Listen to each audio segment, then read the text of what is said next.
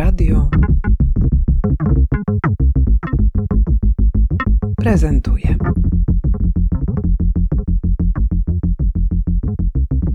Paweł Wodziński, dyrektor Biennale Warszawa i współkurator drugiej edycji tego wydarzenia. Mówimy o edycji tegorocznej. Na jakich założeniach oparta jest program Biennale? Tegoroczny program Biennale powstawał bardzo długo, bo zac zaczęliśmy pracować w 2019 roku i w zasadzie ta edycja powinna się odbyć w zeszłym roku, ale ze względu na pandemię została przeniesiona na ten rok. I od samego początku pracy nad tą edycją zastanawialiśmy się, wokół jakiego tematu zogniskować y, ten program. Wydawało nam się w 2019 roku, że temat autorytaryzmu jest tym tematem, który będzie w ciągu najbliższych lat niezwykle aktualny, ważny i będzie dotykał kolejnych obszarów. Nie pomyliliśmy się, jak widać, e, niestety. Natomiast e, pandemia zmieniała tę naszą optykę. W zasadzie przez te ostatnie 2,5 roku żadne wydarzenie, które zostało przez nas zaplanowane, nie odbyło się w taki sposób, w jaki miało się odbyć, ze względu no właśnie na pandemię, ograniczenia, zamyk, konieczność zamykania przestrzeni, przenoszenia do, do sieci różnych działań. I uznaliśmy, że ten temat autorytaryzmu, że on jest być może zbyt szeroki i że trzeba znaleźć odpowiedni filtr, odpowiednią soczewkę, przez którą zobaczymy te wszystkie procesy. Pomyśleliśmy, że tą soczewką jest technologia, że poprzez rozmowę o technologii, czy poprzez takie spojrzenie w głąb technologii, widać większość procesów, o ile nie wszystkie, politycznych, społecznych, ekonomicznych, także ekologicznych, związanych z no, takim dziwnym systemem, który się wyłania na naszych oczach i który powstaje trochę z tego splotu, nie wiem, polityki, biznesu, kapitału, przemysłu wydobywczego i technologii nowa formacja, która w zasadzie obejmuje, czy wchodzi, wkracza we wszystkie obszary naszego życia. No jakbyś dominuje nasze życie prywatne poprzez to, że jesteśmy podłączeni, niemalże podłączeni do technologii, do smartfonów, do komputerów, że w zasadzie funkcjonujemy z tą technologią 24 godziny na, na dobę, że zasilamy tę technologię swoją pracą, swoim czasem, swoimi emocjami, czy swoimi przeżyciami, materiałem, archiwum własnym, które tam się znajduje znajduje. Trochę wykonujemy pracę bezpłatną, trochę jesteśmy eksploatowanym zasobem.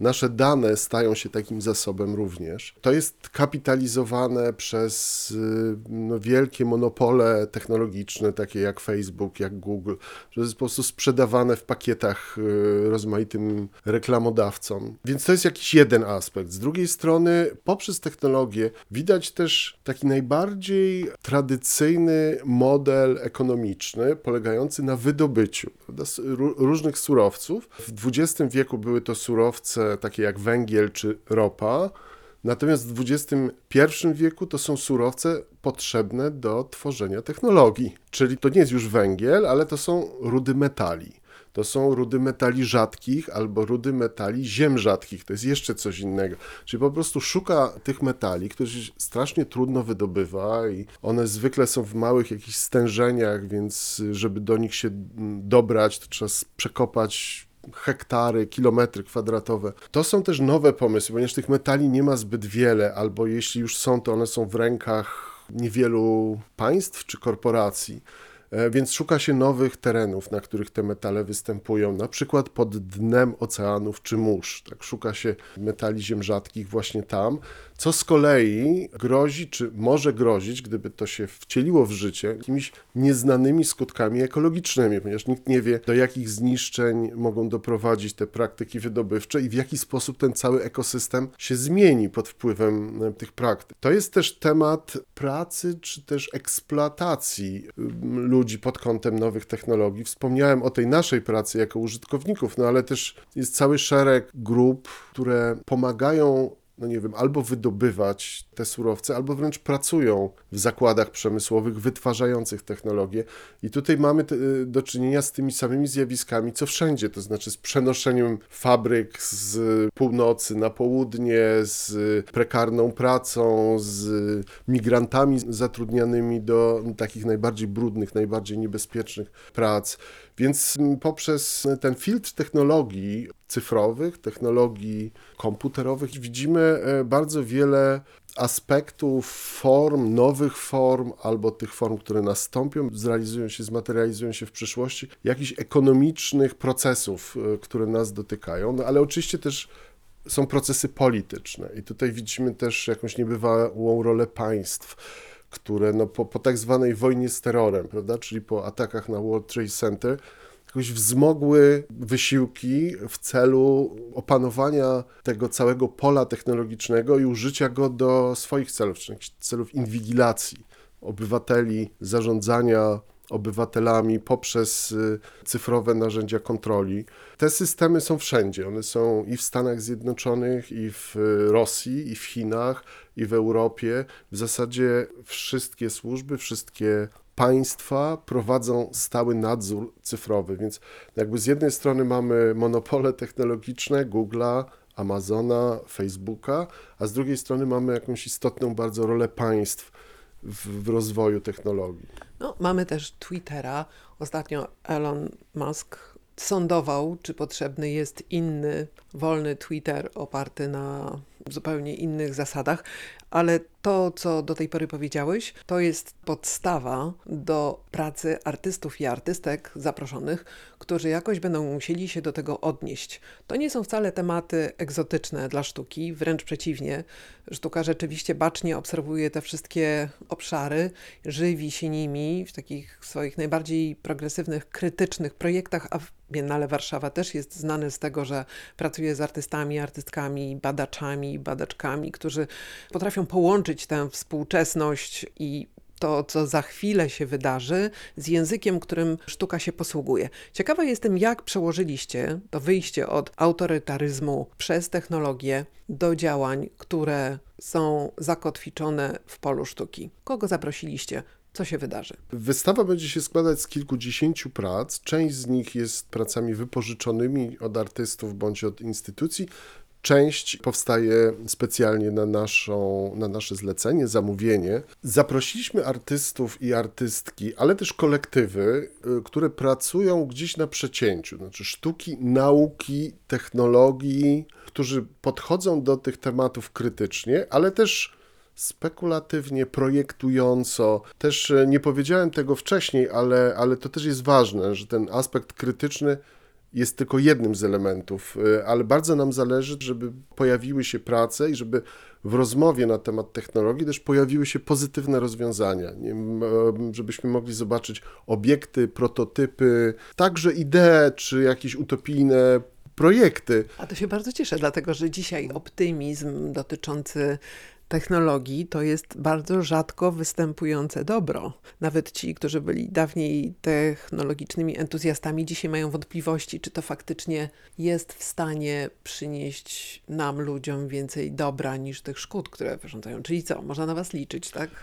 No mam, mamy nadzieję, choć oczywiście ten nurt krytyczny też jest istotny, też e, ze względu na obecną sytuację i na wojnę w Ukrainie i też cały katalog praktyk, który możemy dostrzec w związku z tą wojną, takich e, działań jak, jak choćby nie wiem, cyberterroryzm czy cyberwojna. Ten kontekst trochę wyznacza to, czy jakoś decyduje o tonie tej wystawy, no bo nie zamierzamy uciekać od tego kontekstu, znaczy chcemy też Chyba się, się nie zająć, da zresztą. Natomiast bardzo jest dla nas ważne też, żeby nawet w tym momencie, a może nawet szczególnie w tym momencie, nie zamykać tej rozmowy o alternatywach i o pozytywnych rozwiązaniach. Być może właśnie w tym momencie ona jest bardziej potrzebna niż, niż, niż wcześniej, że jednak musimy dać sobie szansę gdzieś myślenia o, o, pozytywnej przyszłości, czy jakiegoś takiego projektowania przyszłości, która może być, czy może wyglądać inaczej niż ta, niż ta dzisiejsza e, rzeczywistość. Zaprosiliśmy artystów i artystki, jak powiedziałem wcześniej, pracujących gdzieś na, na, na przecięciu, w zasadzie, którzy w większości ci ludzie są i badaczami, i artystami, i też za, zabierają głos w debacie publicznej. Czasami też y, działają jak aktywiści czy aktywistki. To będą z jednej strony znane dosyć w Polsce kolektywy takie jak Forensic Architecture, które się wsławiło ostatnio wystawą prezentowaną w Montrealskim Muzeum Sztuki Nowoczesnej poświęconej Pegasusowi. Tak. Temat, który w Polsce był bardzo głośny przed wybuchem wojny w Ukrainie. Tak. Chcemy pokazać tę, tę, tę pracę też, ale też będziemy pokazywać y, pracę kilku osób, które bardzo mm, jakoś tak głęboko analizują kwestię infrastruktury cyfrowej. Bo też nam się wydaje, że, że to jest taka kwestia, która bardzo często jest pomijana w tej debacie, ona jest niezauważalna, ona jest taka zdematerializowana. Tak? Mówimy o chmurze, a nie o centrach danych, kablach, które łączą te centra danych. Więc y, będzie, będzie taka cała grupa y, artystów, artystek, którzy, którzy się tym zajmują. Będzie taka wybitna grecka artystka Kiriaki Goni, która analizuje, właśnie to jest y, jedno, jeden z przykładów pozytywnego myślenia na temat technologii. Pokażemy pracę Networks of Trust, czy, czyli sieci zaufania, tak, w zasadzie takiej oddolnej sieci tworzonej przez, y, przez nią, po to, żeby no nie łączyć nieoczywiste miejsca.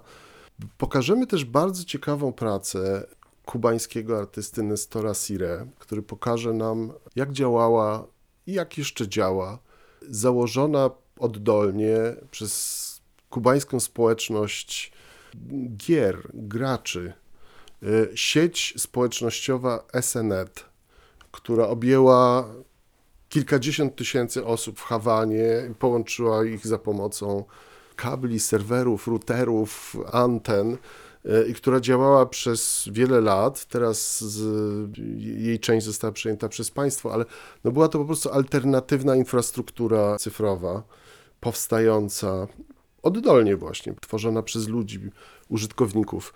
Pokażemy także bardzo ciekawe analizy y, infrastruktury też w Warszawie, infrastruktury cyfrowej, mapy infrastruktury cyfrowej. Tworzy to austriacka artystka Vanessa Graf. Zobaczymy, gdzie w Warszawie, gdzie w Warszawie znajdują się centra danych, jakie kable doprowadzają internet do Warszawy i skąd. Zobaczymy też, jakie kable łączą Polskę i w których miejscach kable idące dnem Morza Bałtyckiego e, dochodzą, dochodzą do Polski. Zobaczymy bardzo ciekawą pracę trójki artystów, Feliksa Lenza, Angeli Neubauer i Ester Zwickl, dotycząca pracy w zakładach produkujących wysokie technologie.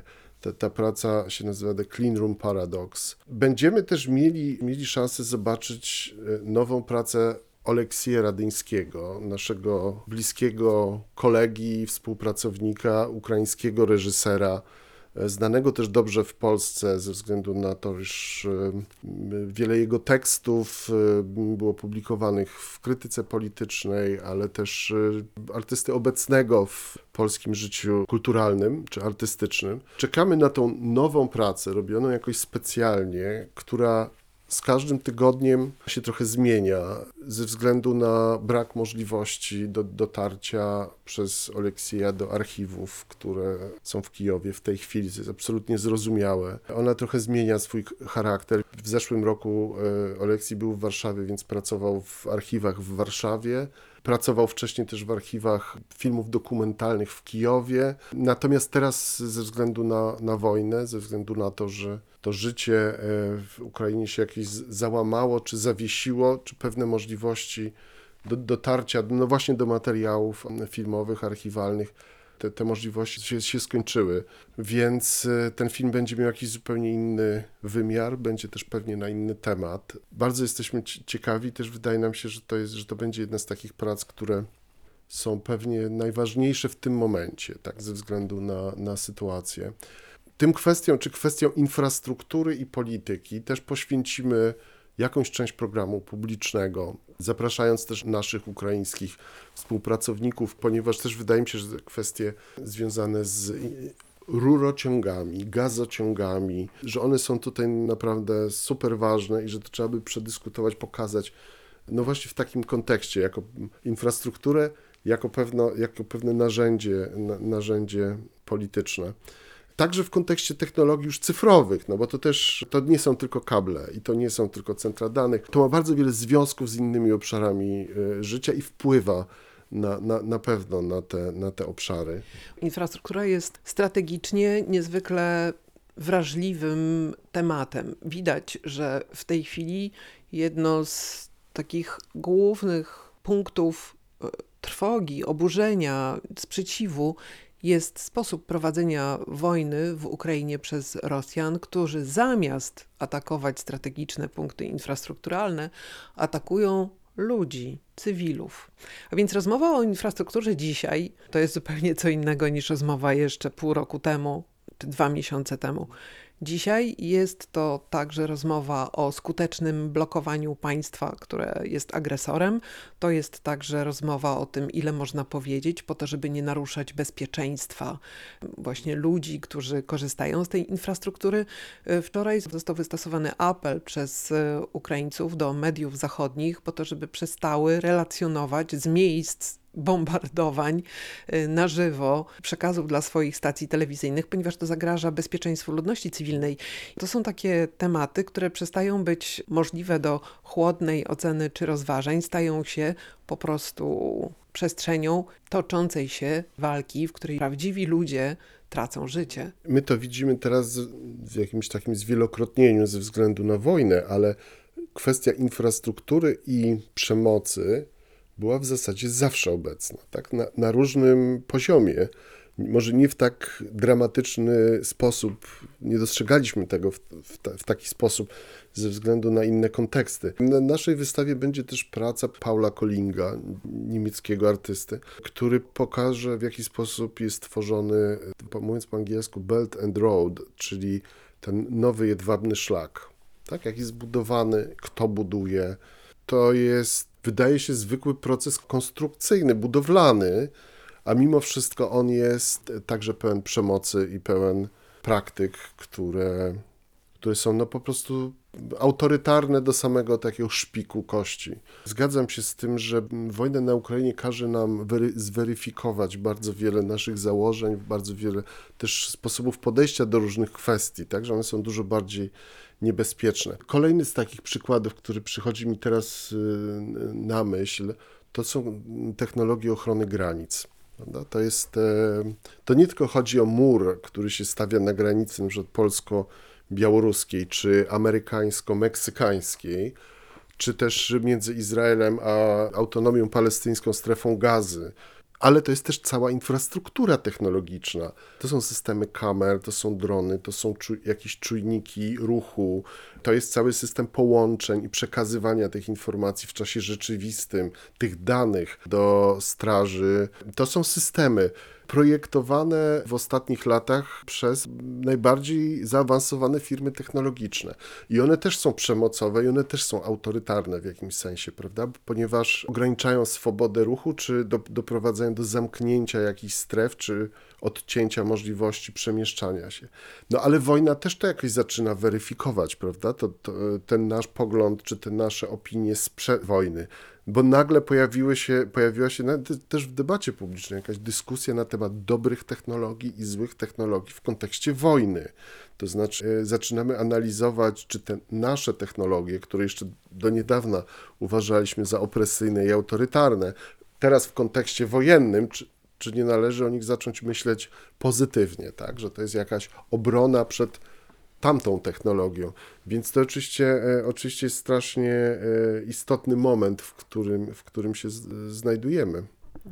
Na pewno program, który przygotowaliście, będzie podstawą do głębszego namysłu nad tym takim odwiecznym właściwie problemem narzędzia, bo infrastruktura jest narzędziem, które może być oczywiście służyć złym i dobrym celom. Powiedziałeś już o, o programie Y, artystycznym powiedziałeś o tym, że na pewno będzie przestrzeń do dyskutowania. Czy zamierzacie wydawać publikacje, bądź też koncentrować się na przekazie wiedzy? Planujemy zorganizowanie programu publicznego, który się będzie składał z wykładów performatywnych, dyskusji, spotkań, też warsztatów, czyli różnych form, nie, nie, tylko bardzo wyrafinowanych wykładów, ale także dość przystępnych y, warsztatów, czy spotkań, czy, czy dyskusji. Wydamy osiem tekstów, powiedzmy reader z ośmioma tekstami, które wydają nam się kluczowe do wprowadzenia różnych różnych linii tematycznych w obrębie tego e, tematu technologicznego.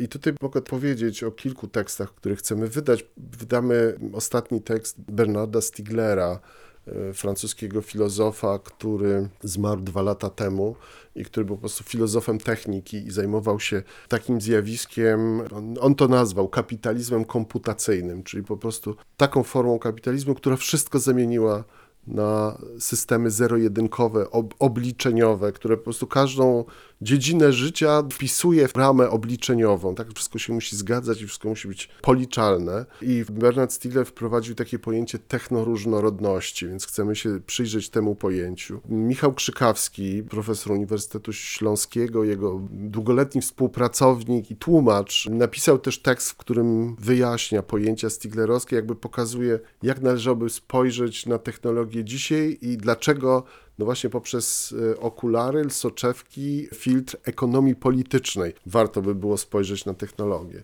Ale też e, opublikujemy e, tekst Mateo Pasquinellego, Nooskop ujawniony i tekst Wladana Jolera, Nowy ekstraktywizm. Chcemy też opublikować tekst Ulyssesa Mechiasa, i Nika Coldriego o kolonializmie danych. To jest dwójka badaczy, którzy wprowadzają pojęcie kolonializmu do sposobów zarządzania danymi. Chcemy też pokazać rozmaite alternatywne ścieżki, które są przed nami. Też przyjrzeć się trochę temu, co powstaje no właśnie gdzieś w, w, krajach południa, poza kontrolą Krzemowej Doliny i tego, co, co, co myśmy tutaj na północy stworzyli czy współtworzyli. Taki lider powstanie. W zasadzie wszyscy autorzy zostali zaproszeni też do udziału w programie publicznym, więc oni też będą mieli swoje wystąpienia. Teksty będą trochę takim punktem wyjścia, startu, a jednocześnie będziemy mogli się zawsze odwołać do tych tekstów w trakcie wystąpień, czy później, kiedy, kiedy Biennale się, się zakończy.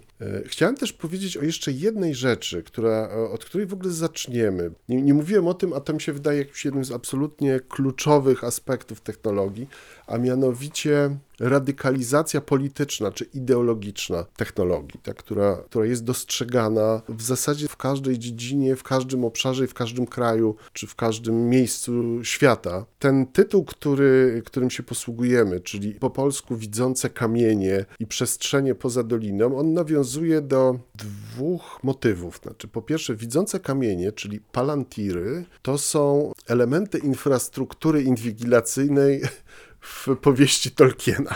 Tak, to są po prostu kule, poprzez które można widzieć i słyszeć na odległość, ale także widzieć przeszłość i spoglądać w przyszłość, czyli mówiąc językiem dzisiejszym, technologicznym, dokonywać predykcji i klasyfikacji. Czyli to są jakieś elementy, no właśnie, infrastruktury inwigilacyjnej, bardzo podobne do tych, które mamy dzisiaj w naszym świecie. Palantir Technologies to jest z kolei nazwa firmy, która powstała e, w Stanach Zjednoczonych po zamachach na World Trade Center i która się zajmuje bardzo wyrafinowaną i złożoną analityką danych. Pracując głównie dla rządu amerykańskiego, dla agencji e, amerykańskich, ostatnio jakaś część tych działań jest też publiczna, dlatego że firma Palantir weszła na giełdę i ma taką swoją nietajną część działalności. To, co jest ciekawe w przykładzie tej, tej firmy, to nie jest jedyna firma, która się odwołuje do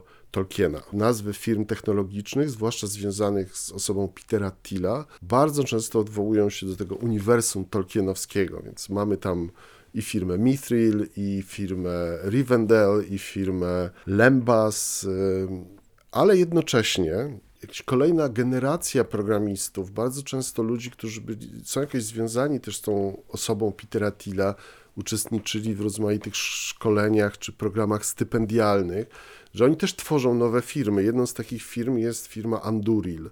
Anduril Industries. Anduril to jest nazwa miecza Aragorna z Tolkiena. To jest firma, która produkuje technologie obronne, między innymi technologię ochrony granic.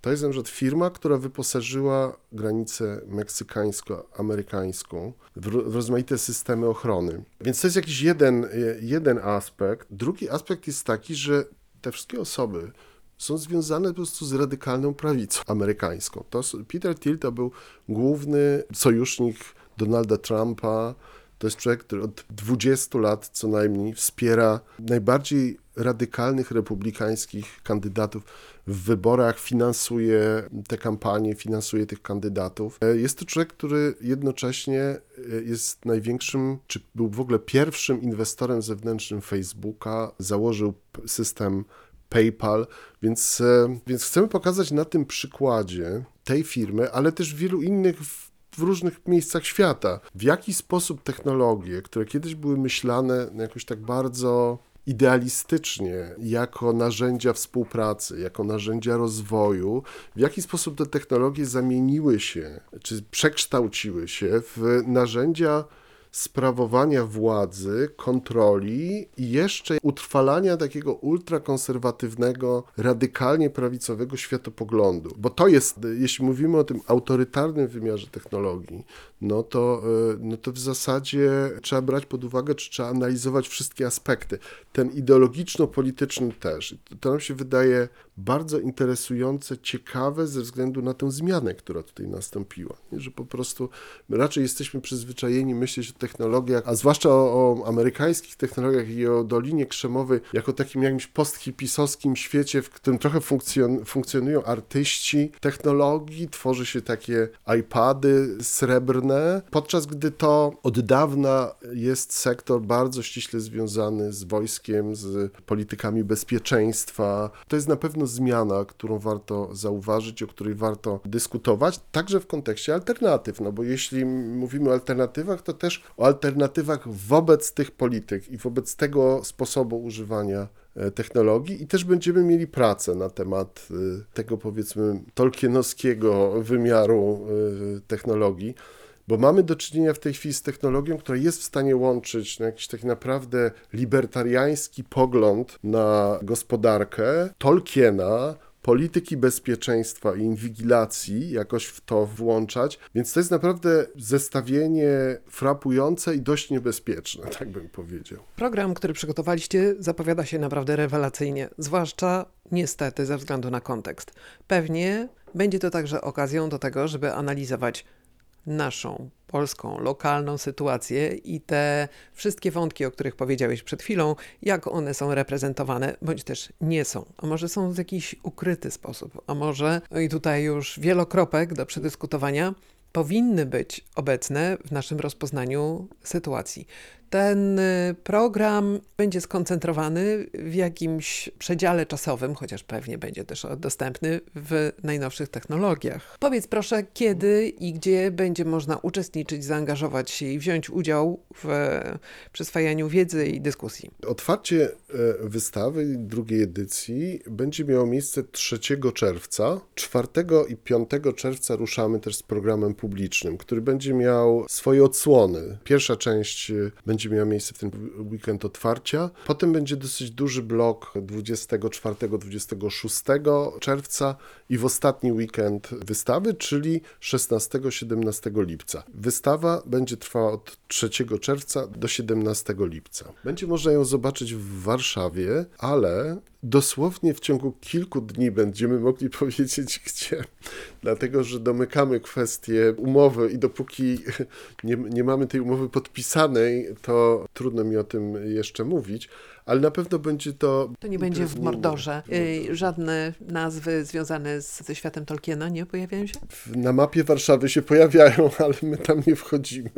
To znaczy, staram się chyba spojrzeć z dystansu też na Mordor i na inne tego typu obszary. Bardzo dziękuję Ci w takim razie za rozmowę i to oznacza, że należy śledzić informacje podawane na stronie internetowej Biennale Warszawa. Bardzo dziękuję. Dziękuję bardzo.